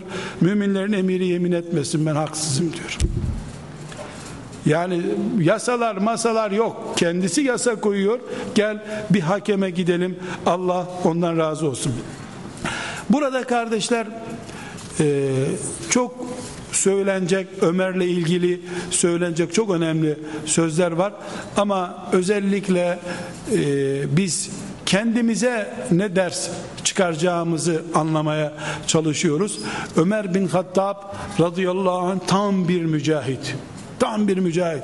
Gayesini Allah'ın dinini yaymaya hasretmiş. Onun dini yaymaktan, Allah'ın kedamını yüceltmekten başka hiçbir derdi yok. Ahlaklı, iffetine düşkün, hanımını kıskanan, böyle gelişi güzel, ailesini ihmal eden biri de değil. Yani hanımını kıskanıyor, çocuklarını kıskanıyor. Davasına hizmet ettiği için çoluk çocuğunu serbest bırakmış birisi de değil ama. Nitekim Efendimiz sallallahu aleyhi ve sellem yine Buhari'den ve Müslim'den naklediyorum. Bir rüyasını anlatıyor Efendimiz sallallahu aleyhi ve sellem. Diyor ki bu gece rüya gördüm diyor. Cennetteydim diyor rüyamda diyor. Büyük bir saray gördüm cennette. Sarayın kenarında da bir huri abdest alıyordu. Bu huri kimin hurisidir dedim diyor. Melekler dediler ki bu Ömer'in hurisidir. Sonra düşündüm ki Ömer kıskanç adamdır. Bu huriye bakmayayım dedim. Döndüm bakmadım ona diyor. Bir rüyasını Efendimiz sallallahu aleyhi ve sellem anlatıyor. Ne rüya görecek ki? Toki'den daire çıktığı rüyasını mı görecek? Rüyası da işte cennet. Rüyası da ki Allah'ın rızası. Ömer radıyallahu anh bunu duyunca ağlamış. Ya Resulullah demiş kıskanırım da senden de mi kıskanırım demiş. Bu Ömer'in kıskançlığını, ailesine düşkünlüğünü itiraf eden peygamber bilgisi sallallahu aleyhi ve sellem. Burada kardeşler biz çok önemli dersler çıkarabileceğimiz bölümler olmakla beraber vakit darlığından dolayı daha fazla e, uzatmadan vefatı esnasında son üç gününde nasıl dinine hizmet ettiğini konuşmamız lazım. Dikkat edin emekli olduktan sonraki döneminden anlatmıyorum. Bir sabah namazında hançerlendi. Mecusiliği yerle bir etti. Mecusiliği bir mecusi de Medine'ye köle olarak geldi. O e, köleliğini kılıf yaptı. Ömer'in namaz kılarken yanına yanaştı Ömer'i şehit etti. Şimdi bakın bu sahneyi Amr ibn Meymun isimli zat sahabi Hazreti Ömer'in şehadetini ve şehadetinden önceki günlerini Sahih Bukhari'de anlatıyor. Tarih kitabından söz etmiyorum. Sahih ümmeti Muhammed'in muteber kitaplarından söz ediyorum. Çok özetleyerek anlatacağım. Ee, Amr ibn Meymun diyor ki Ömer bin Hattab namaz için geçtiğinde çünkü devlet başkanı demek sabah namazını kıldırır adam demek. Akşam toplantı yaptığı için sabah namazına gelemeyen adam demek değil. Sabaha kadar ümmeti Muhammed'in dullarını, çocuklarını düşünür. Dolaşır Medine sokaklarında. Sabah namazında da Medine'de namaz kıldırır. Namaza geldiğinde önce safları düzeltirdi. Düzeltin, düzeltin derdi diyor safların tam düz olduğunu anlayınca tekbir getirir. Genelde Yusuf suresini Nahl suresini okurdu diyor. Yani 10 sayfalık surelerden zamm-ı sure okuyormuş. Uzun okuyormuş. Birinci rekatta herkes birinci rekata yetişsin diye. O şehit olduğu günde Ömer tekbir getirip namaza başladı. Sonra zamm-ı sureye başlamadan henüz başlamadan bir köpek beni vurdu diye bağırdı. Bu şekilde bağırmış.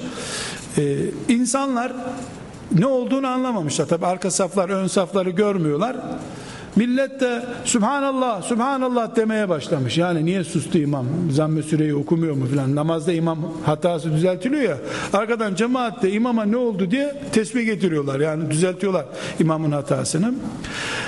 Hain e, mecusi çift e, ağızlı bir hançerle Hazreti Ömer'i e, ciddi bir şekilde karnından yaralamış. Ondan sonra da sağdan soldan 13 kişiyi daha öldürerek kaçmaya çalışmış. Ashab-ı kiramdan birisi cübbesini üzerine atarak yere yatırmış. Bu sefer kendisini de öldürmüş. Konuşturmasınlar onu diye. Böyle bir cinayet olmuş. Hazreti Ömer sabah namazını kıldırırken radıyallahu anh. Sonra e, Şimdi dikkat ediniz Ömer çift ağızlı bir hançerle yaralandı, yere yığıldı, ayağa kalkmış. Abdurrahman İbni Afı saftan almış, namaza getirmiş, namazı devam ettir demiş. O arada namaz kılınmış ve evine taşınmış. Evine götürmüşler Ömer'i. Ondan sonra namaz kılınınca herkes e, toplanmış evine gelmişler. İbn Abbas Resulullah sallallahu aleyhi ve sellem Efendimizin amcasının oğlu yanına gelmiş. İbn Abbas'a demiş ki bir baksana beni kim öldürdü demiş. O da tarif etmiş Muire'nin kölesi Lü'lü'e öldürdü seni demiş. Yani mecusi. Cevaba dikkat ediniz kardeşler. Diyor ki elhamdülillah bir Müslümanla hesaplaşmak zorunda kalmadım kıyamet günü demiş. Neyi gösteriyor biliyor musunuz? Can çekişiyorsun, kanın akıyor. Ve ölümle burun burunasın. Senin başka derdin var. Senin yüzünden biri günaha girdi mi? Bunu düşün. Ümmeti düşünmek budur. Adaleti böyle sağlamış. Gönüllere böyle girmiş. Allah ondan razı olsun. O gün tabi Müslümanlar Resulullah sallallahu aleyhi ve sellem vefatından sonraki en acılı günlerini yaşamışlar. Nihayetinde doktorlar süt içirilmesini tavsiye etmişler. Süt içirilince de e, süt yarasından çıkmış. Böylece anlamışlar ki bu yaşamayacak, ölecek. Bunun üzerine e, delikanlılar, ihtiyarlar, kadınlar, erkekler herkes gelip Ömer'i bir kere daha görmeye çalışmışlar. Bu arada Amr ibn Meymun isimli zat anlatıyor. Bir delikanlı Ömer'in yanına gelmiş. Herkes ziyarete geliyor ya şimdi. Ona demiş ki müjde sana ya emrel müminin demiş. Ne güzel Resulullah'ın biricik sahabisiydin. İslam'a uzun zaman hizmetler yaptın. Şimdi de başımıza geçtin ve adaletle davrandın ve şehit olarak gidiyorsun. Ne mutlu sana demiş. Genç bir Müslüman ziyaretinde e, böyle bir övgü yapıyor. Dönmüş çocuğa demiş ki ah yavrum demiş sevapta istemezdim bir kurtulabilsem şu cehennemden demiş. Resulullah'ın mihrabında hançerlenmiş bir Müslüman olarak bunu söylüyor. Sevap da istemezdim diyor. Bir kurtulabilsem cehennemden. Sonra o delikanlı işte görüşmüş Ömer'le çekmiş gidiyor. O da kafasıyla bakıyor işte yatıyor yerde yatıyor. E, bakmış ki delikanlı gidiyor. Çocuğun elbisesini uzun görmüş. Yanındakilere bu delikanlıyı bana çağırın demiş. Kim kimi çağırıyor? Şehit Ömer. Mirapta şehit olmuş, yaralanmış, eve gelmiş. Çocuk gelmiş, buyurun efendim demiş. Yavrum demiş.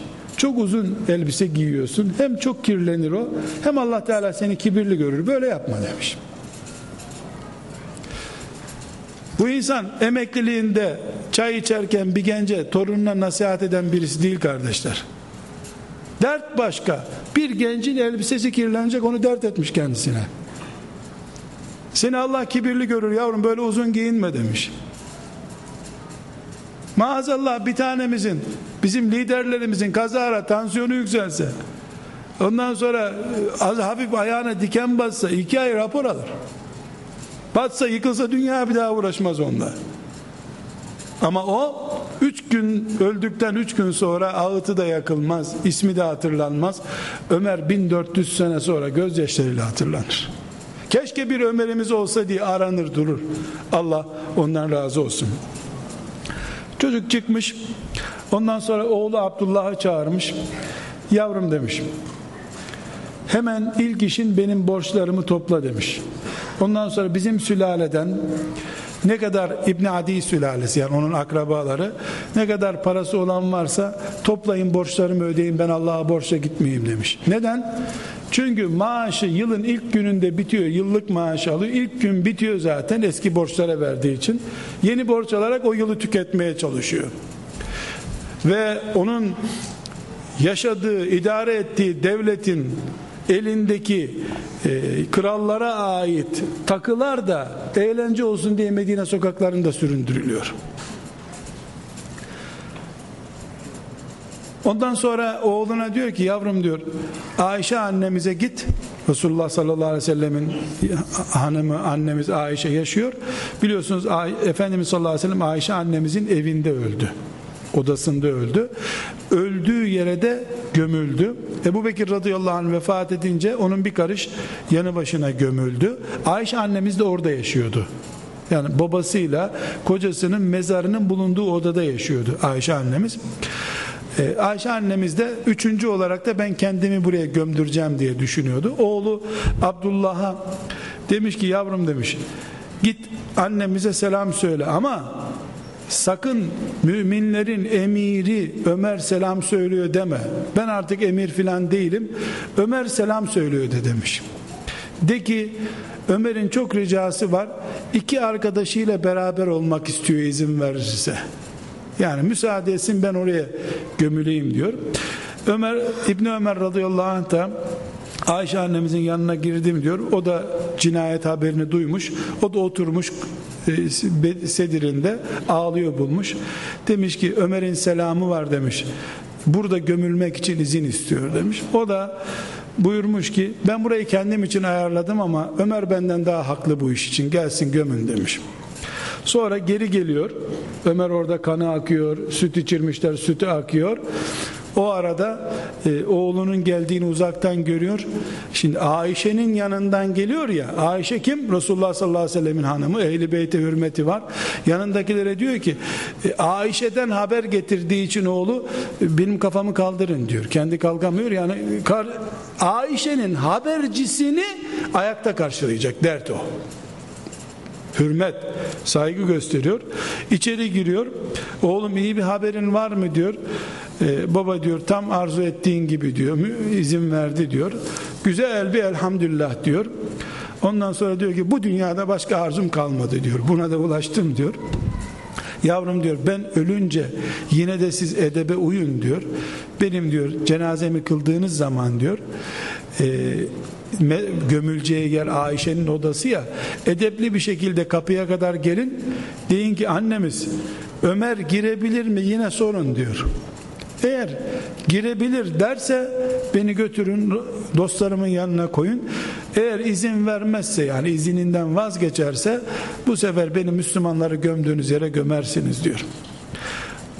Burada kardeşler biz Ömer radıyallahu anh'tan çok dersler daha çıkaracağız. Ama bir vurgulama yaparak bu çıkaracağımız dersleri bitirelim. Enes İbni Malik Ömer'i de çok iyi tanıyan, ashab-ı kiramı tanıyan en genç sahabilerden biri. Diyor ki adamın biri Resulullah sallallahu aleyhi ve selleme geldi. Buhari'den bir hadis-i şerif okuyorum bunu. Dedi ki ya Resulallah kıyamet ne zaman kopacak? Resulullah sallallahu aleyhi ve sellem de buyurmuş ki ne hazırladın ki kıyamet için zamanını merak ediyorsun. Hiçbir şey hazırlamadım ya Resulullah demiş ama Allah'ı çok seviyorum, seni çok seviyorum demiş. Adam peygamber efendimize. Efendimiz de buyurmuş o zaman merak edecek bir şey yok. Herkes sevdiğiyle beraber olacak demiş. Yani madem beni seviyorsun benimle berabersin demiş. Enes İbni Malik radıyallahu anh diyor ki o günkü kadar sevindiğini görmedim ashab-ı kiramın diyor. Ben de çok sevindim diyor. Çünkü ben Ebu Bekir'i ve Ömer'i çok seviyorum. Onlar gibi değilim ama Allah beni onlarla yapacak diyor. Onlarınla beraber diriltecek. Biz kardeşler burada İslam tarihinden bir şahsiyetin hayatını anlatmadık, konuşmadık. Biz yarın mahşerde beraber olmak istediğimiz birisini konuştuk. Bu ümmet ne büyük insanlar yetiştirmiş bunu konuştuk. Biz nasıl bir lider özlüyoruz bunu konuştuk. Dileriz Allah onu da bizi de Resulullah sallallahu aleyhi ve sellemin Havz-ı Kevseri etrafında dostlarıyla beraber buluşma şerefinden mahrum etmez. Ve sallallahu ve sellem ala seyyidina Muhammed ve ala alihi ve sahbihi ecma'in velhamdülillahi rabbil alemin.